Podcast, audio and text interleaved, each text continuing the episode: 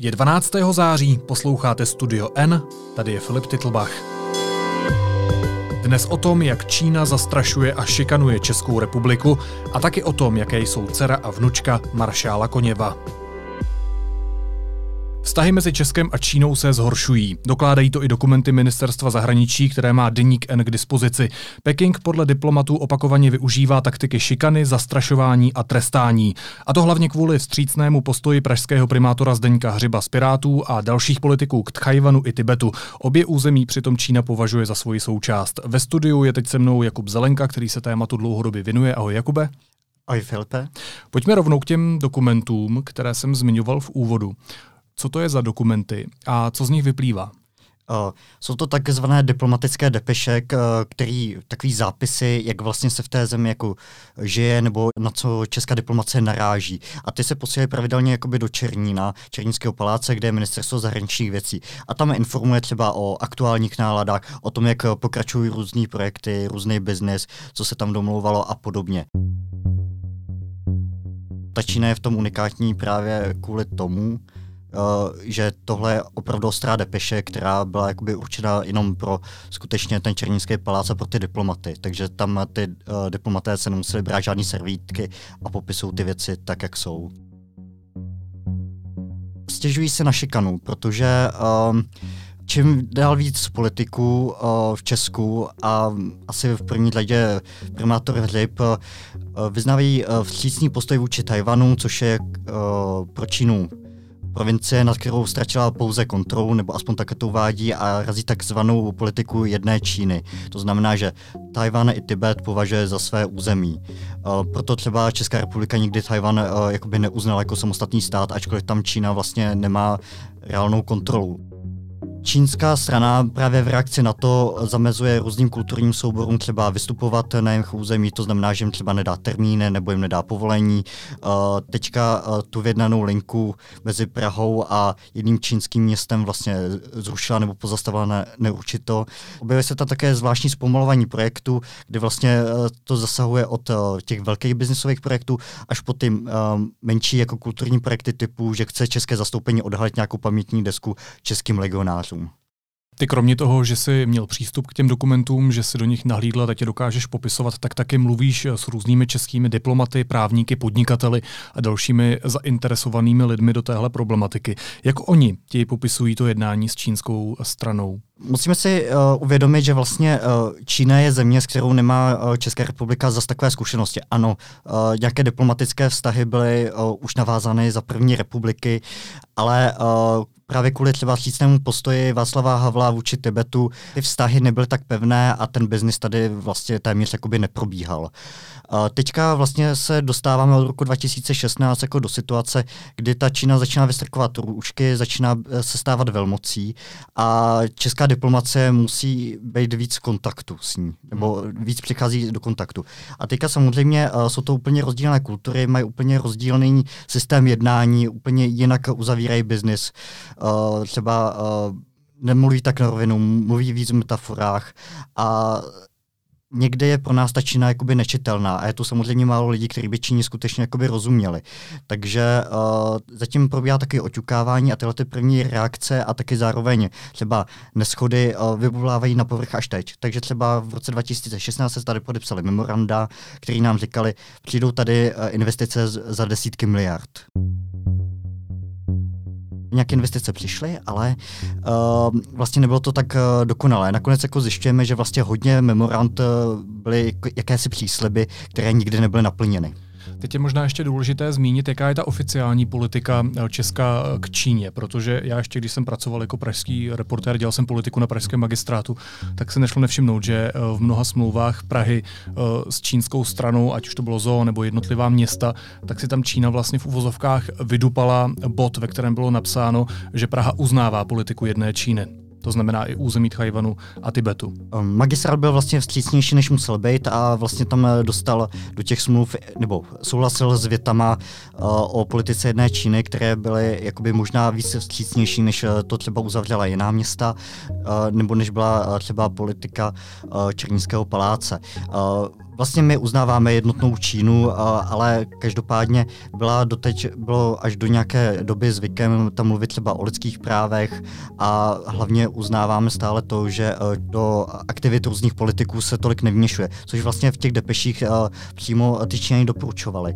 Doporučovali vlastně, aby si česká politika vlastně došlápla třeba na toho primátora, aby držel ten kurz, protože v Číně je vlastně docela běžné, že všichni tak nějak vykračují jedním směrem, ale to je diktatura. Tady vlastně uh, máme demokracii a ten jejich pohled je, je je nenarobovatelný. Ty už jsi zmínil různé zastrašování, šikanu, pak eh, ty kulturní záležitosti, že různá hudební tělesa třeba nesmí vycestovat do Číny na koncerty. Jsou tyhle praktiky, které Čína využívá vůči České republice z jejich strany běžné? Objevují se i vůči jiným státům? Ano, i tohle to vlastně zmiňují ty diplomaté ve svých depeší, že v roce 2017 eh, se s něčím podobným setkala Jižní Korea, eh, rok předtím to byla Austrálie. Eh, pokud ty státy nešlapou tak, jak si ta Čína představuje, tak se vlastně najednou začínají objevovat tyhle ty problémy. Čína je ekonomická supervelmoc, taky má tam více k miliardu lidí, takže vlastně se může dovolit jakoby používat tyhle ty nátlakové techniky. Už se rozhodně nejedná o nějakou rozvojovou zemičku, nějakou někde fázi. A kam až to může zajít z jejich strany? Můžou třeba vyhostit naše diplomaty, to je asi jakoby ta nejkrajnější možnost, kterou diplomacie jakoby nabízí. Můžou ochladnout vztahy, můžou zrušit uh, různé projekty, uh, můžou uh, teoreticky zatýkat i naše občany na svém území, což se vlastně jako stalo i v Kanadě, která když zatkla, myslím si, že to byla manažerka Huawei, tak když, když ji zatkli, tak najednou zatkli i několik Kanaďanů, takže hmm. vlastně uh, využívají takovéhle uh, systémy rukojmí, uh, nebo můžeme mluvit třeba i o různých aktivistech v Hongkongu, nebo i uh, z Tajvanu, který prostě uvězní a dlouho o nich nikdo neví. Kubo, ty ve svém nejnovějším textu píšeš, že jsou kvůli tomu postoji eh, českých politiků a následným reakcím ze strany Číny ohroženy i zakázky, které přímo uh, v Číně pomohl vyjednávat prezident Miloš Zeman. Uh, jaké jsou to zakázky? Jsou důležité? Firma, která je v Číně momentálně nejvíc vidět, je Home Credit a tato, tam je slušně roz, rozběhlá, stejně tak jako třeba Škodovka. Těchto těch zakázek se to netýká. Týká se to především jakoby třeba té letecké linky nebo třeba uh, dodávky letonu L410, což je takový jako ikonický letoun. Uh, tam bylo podepsáno memorandum na dodání 30 kusů do 7 let, že měli dodat i hned 27 později uh, a evidentně se ten projekt nějakým způsobem zadrh. Ta firma to nechce komentovat. Uh, a právě tohle jsou ty zakázky nebo nějaký jakoby biznisový díly, u kterých byl přítomen uh, v dubnu tohoto roku pan prezident Miloš Zeman. Proto to dostává pro tu diplomaci jakoby daleko větší prioritu, protože můžu argumentovat, jo, tady bylo setkání nějakých jako uh, vyšších uh, ústavních činitelů, tím pádem jakoby tyhle ty eh, projekty mají vyšší prioritu. Ale ve skutečnosti se to týkalo devíti bodů, kde vznikají nějaké otázky. Myslím, že zhruba pět z nich bylo ohledně návštěvy pana prezidenta. Eh, když to teď na závěr všechno schrneme, tak eh, co se od roku 2016, kdy Prahu navštívil čínský prezident Xi Jinping, změnilo? vyvanul ten všeobecný optimismus, že s Čínou se dá dělat biznis jako rovným s rovným. Uh, ty miliardy, které byly naslibované, úplně nepřišly. Uh, přišla firma CFC Europe, která vlastně uh, využila uh, česk- české politiky k tomu, aby se jakoby dostávala k těm čínským. Právě proto se třeba Jetě Ming, který pak zmizel jako v Číně a chtěl být prezidentův poradce a nějakým způsobem si právě otevřít eh, dvířka uh, k těm vrcholným politikům v Číně, protože ta, ten CEFC měl prostě nevýhodu, že nebyl napojený přímo na uh, komunistickou stranu Číny. Uh, pak ale se dostal do problémů, zadlušil se a převzal ho skutečný jakoby poločínský konglomerát, což je Citigroup. A díky tomu vlastně až teďka vlastně přichází do Česka nějaké čínské peníze a čínské investice.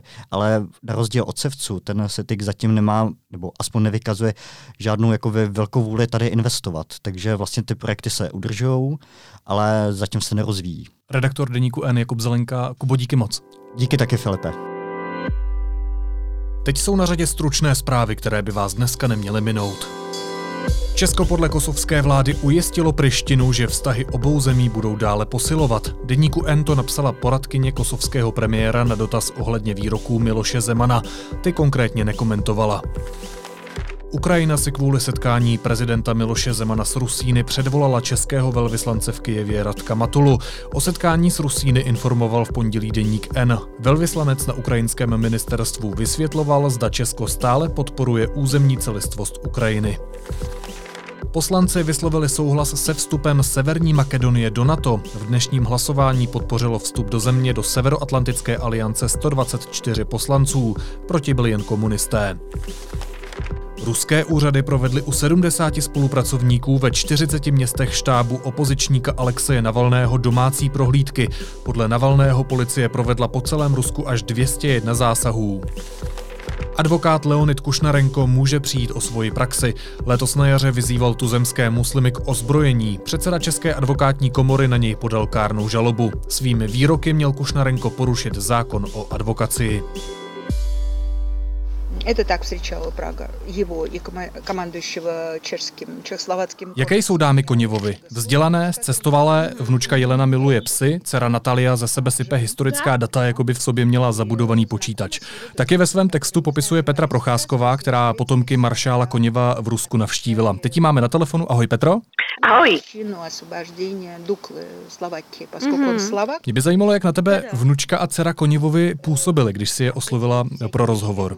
No, já se musím přiznat, že jsem se vlastně jich nejdřív e, trochu bála, když jsem s nima komunikovala písemně a po telefonu, tak se mi zdály Eh, takové strohé. Samozřejmě, že i celá ta situace kolem památníku v nich možná vyvolala nějakou předem averzi vůči českým novinářům, ale myslím si, že když jsme se pak eh, setkali, a bylo hrozně fajn, že jsme se setkali na, u nich doma, na jejich chatách, které mají v takovém elitním, eh, elitní osadě u, u Moskvy, jmenuje se to Gorky 6, tak i to prostředí domácí, to, že jsme tam seděli na zahradě plné květin a hladila jsem jejich psa, А это где-то 50 это вот его любимый в Карловых Варах. Ой, здесь он не выглядит как военный. Нет, он здесь, конечно, совершенно.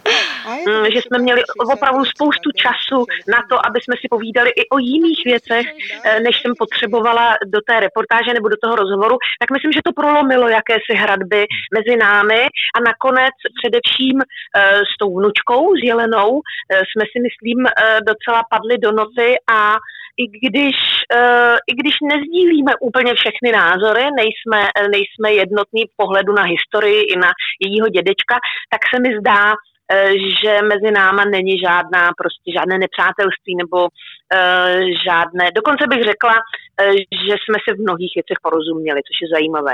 Takže to byla přátelská atmosféra přímo u nich doma. Nabídli ti něco k pití?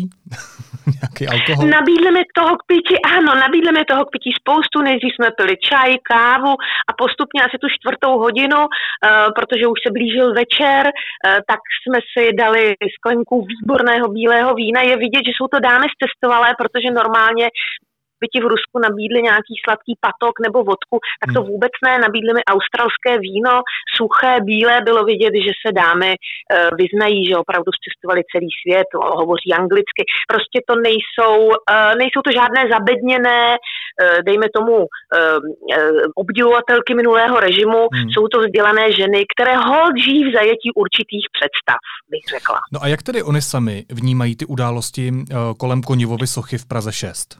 Tak oni jsou především, oni jsou především z toho strašně nešťastné. E, zažili něco podobného s Poláky před mnoha lety a e, asi bych řekla, že e, dívat se na to, jak vašeho předka e, zneuctívají, byť jak si musíte vnímat, že názory na to, co on dělal v době především po druhé světové válce, nemusí, nemusí být zrovna kladné, tak prostě je to trápí. Je to trápí jako příbuzné, nikoliv jak jako, dejme tomu, historičky nebo socioložky, jako příbuzné jako vnučku a dceru jim je nepříjemné dívat se na to, jak někdo poškozuje ty památníky a sochy. Ale jinak si myslím, že Uh, jako ženy vzdělané chápou, že určitá averze vůči hmm. postavě maršála Koněva u nás i v Polsku je. Víš, co by mě zajímalo, jestli je uh, někdo někdy z té české strany ohledně té sochy uh, oslovil? Já jsem se přesně na tohle eh, ptala. ptala jsem se na to, jestli se setkali třeba s někým z Prahy 6, nebo je, jestli s nimi někdo komunikuje, tak oni říkají, oni říkají, že vůbec ne, že jim hmm. píše spousta lidí soukromně, různě podporuje, většinou česky, takže oni tomu nerozumějí. Nicméně eh, se starostou Prahy 6 viděli velmi letmo tehdy na tom mítingu, který provázel odhalování té nešťastné tabulky a tam eh, jedna z jejich dalších příbuzných, která tam s nimi byla, s ním prohodila pár slov, ale jinak je nikdo neoslovil. Ostatně on jako právní důvod k tomu není, víš, protože hmm. ta socha nepatří ani Ruské federaci, ani jim, ale možná by k uklidnění situaci bývalo bylo dobré uh, se s nimi třeba dohodnout na nějakém postupu, uh, i když povinnost to nikoho není určitě. A jak oni si sami představují, že by se s tou sochou mělo naložit? Oni trošku dementovali to původní prohlášení, které u nás taky proběhlo médii, že by si nejradši tatínka, dědečka odvezli zpátky uh, do Ruska, nebo zpátky vlastně ani ne, prostě do Ruska, protože ta socha vznikla u nás. Hmm. Tady by ho jistě bylo kde umístit. Ovšem potom mi obě vysvětlovali, že to vlastně tak nebylo myšleno, že pro ně je ta socha symbolem osvobození Prahy a proto by měla v Praze zůstat, navíc je majetkem Prahy, takže oni na něj nějak nepretendují a pro ně by bylo nejlepší, kdyby zůstala na jakémkoliv důstojném místě v Praze. Hmm. Hovořili o o nějakém e, jiném místě, třeba o Olšanských bytovech, tam i padl návrh, ale myslím, že toto nemají přesně rozmyšleno. Spíš to bylo takové uvažování na hlas. A pokud by to nebylo možné, pokud by česká strana opravdu tu sochu nechtěla, což se tedy ukáže dnes, eh, tak eh, jsou ochotny nějakým způsobem participovat na tom, aby byla dopravena do Ruska. Hrozně moc nechtějí, aby stála na půdě ruského velvyslanectví. Hmm. To mi jasně řekl.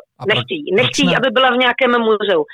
Eh, no, oni nechtějí, protože říkají, ne, proč by, to je uklizení té sochy. My nechceme, aby byl uklizen, někam zastrčen. Hmm. On nebyl diplomat, on byl, on byl prostě vojenský velitel a osvobodil Prahu a nevím, nevíme, proč by měla stát na půdě uh, ruské ambasády. Nechtějí ani žádné soukromé muzeum, nechtějí žádné muzeum totality. Jim to přijde jako, že by byl prostě někam uklizený a uh, to, se jim, to se jim nelíbí. To, jak ty to popisuješ, tak mně vlastně přijde, že oni jsou na svého otce, potažmo dědečka velmi pyšné, nebo jak o něm mluví? Oni jsou na něj velmi pyšné. E, tam právě je ten kámen úrazu, že já jsem samozřejmě nenašla v sobě odvahu sedít se e, nad dorty a vínem jim e, tam vykládat to, že část jak si historiků dokazuje, že jejich otec, kromě toho, že osvobodil Prahu a dobil Berlín, páchal ještě řadu jiných věcí, které už tak k oslavám nejsou. Nicméně ty otázky jsem jim kladla v takové velmi umírněné slušné podobě. Ptala jsem se jich na Maďarsko 56. rok, ptala jsem se jich na uh, ty věci, které provázely potom po osvobození Prahy třeba uh, odvlečení těch český, československých občanů do Ruska. Oni všechno uh, popírají. Uh, oni, se, uh, oni se odvolávají na ruské zdroje, na ruskou historii, na, ruské historická, na ruská historická data a vlastně já bych chtěla říct, víš, že on to nejsou uh, dcera a vnučka Koněvovi. To je uh, symbol smýšlení 80 až 90 hmm. Rusů o všech těch událostech, uh, o kterých se tady bavíme. Veškeré zločiny, které provázely mm, osvobozování Evropy, ale i, tu povále, i to poválečné období, jsou tady vnímány jako pomluva západu, jako dezinformace a nic z toho není prostě pro Rusy relevantní. A takhle se na to dívají i oni například oni, oni mě vyprávěli o tom, že represe doválečné, to je jasné, to prostě je velký problém, se kterým se Rusko ještě musí vyrovnat. Dokonce dědeček té Jeleny, té vnučky, jiný dědeček z druhé strany, byl popraven v represích stalinských. To ano, ale co se týče Koněva a poválečného vývoje a vztahu k Československu, tady je to jednoznačně prostě sovětský, typicky sovětský pohled na svět a myslím si, že v jejich případě s tím asi nepohneme. Ani jsem se o to nesnažila. Takže tě ani nepřekvapilo, že jste se nějakým způsobem střetli v tom výkladu historických faktů?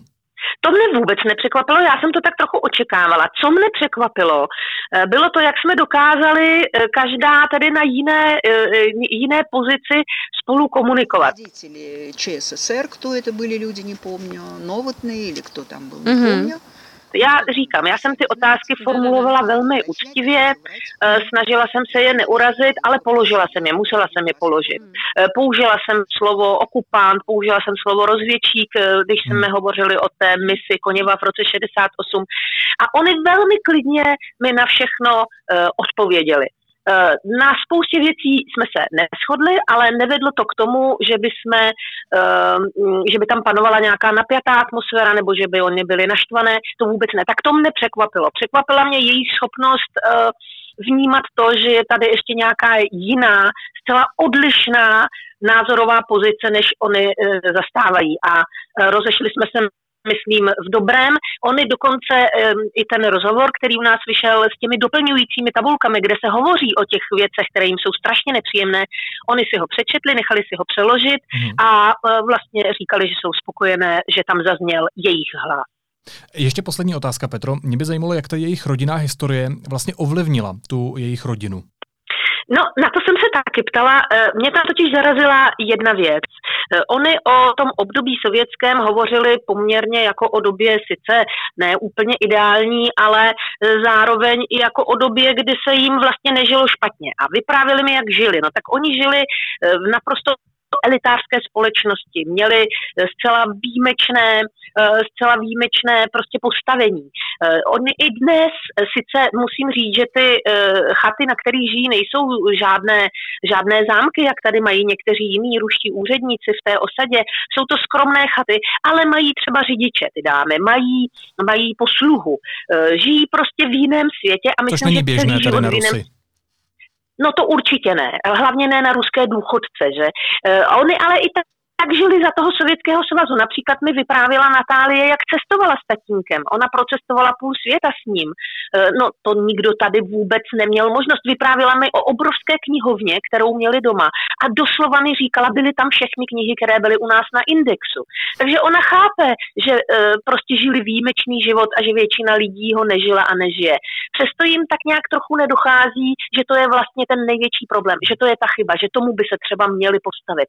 Ne, oni jsou smířeni s tím, že oni žijou takto výjimečně, protože měli výjimečného předka a zbytek občanů hold si musí nějak poradit sám. Petra Procházková, redaktorka deníku N, která je v současné době v Rusku. Petra, moc děkuju. Hezký den. A ještě jízlivá poznámka nakonec. Nenechte si ujít týden s prezidentem, který přinese šokující komentář prezidenta republiky Miloše Zemana. Po letní pauze opět odstartovaly pravidelné televizní diskuze Miloše Zemana s Jaromírem Soukupem. Zatímco dříve debatu opanoval prezident, karta se průběžně obrací a aktuálně již přes 60% slov v pořadu říká Jaromír Soukup. Dobrý večer, vážení a milí diváci televize Barandov. Miloš Zeman si zřejmě vychovává nového mluvčího, když se z toho stávajícího stává moderátor. Jsem trošku nervózní a mám také trochu trému, protože jsem ještě nikdy žádný pořad nemoderoval. Naslyšenou zítra.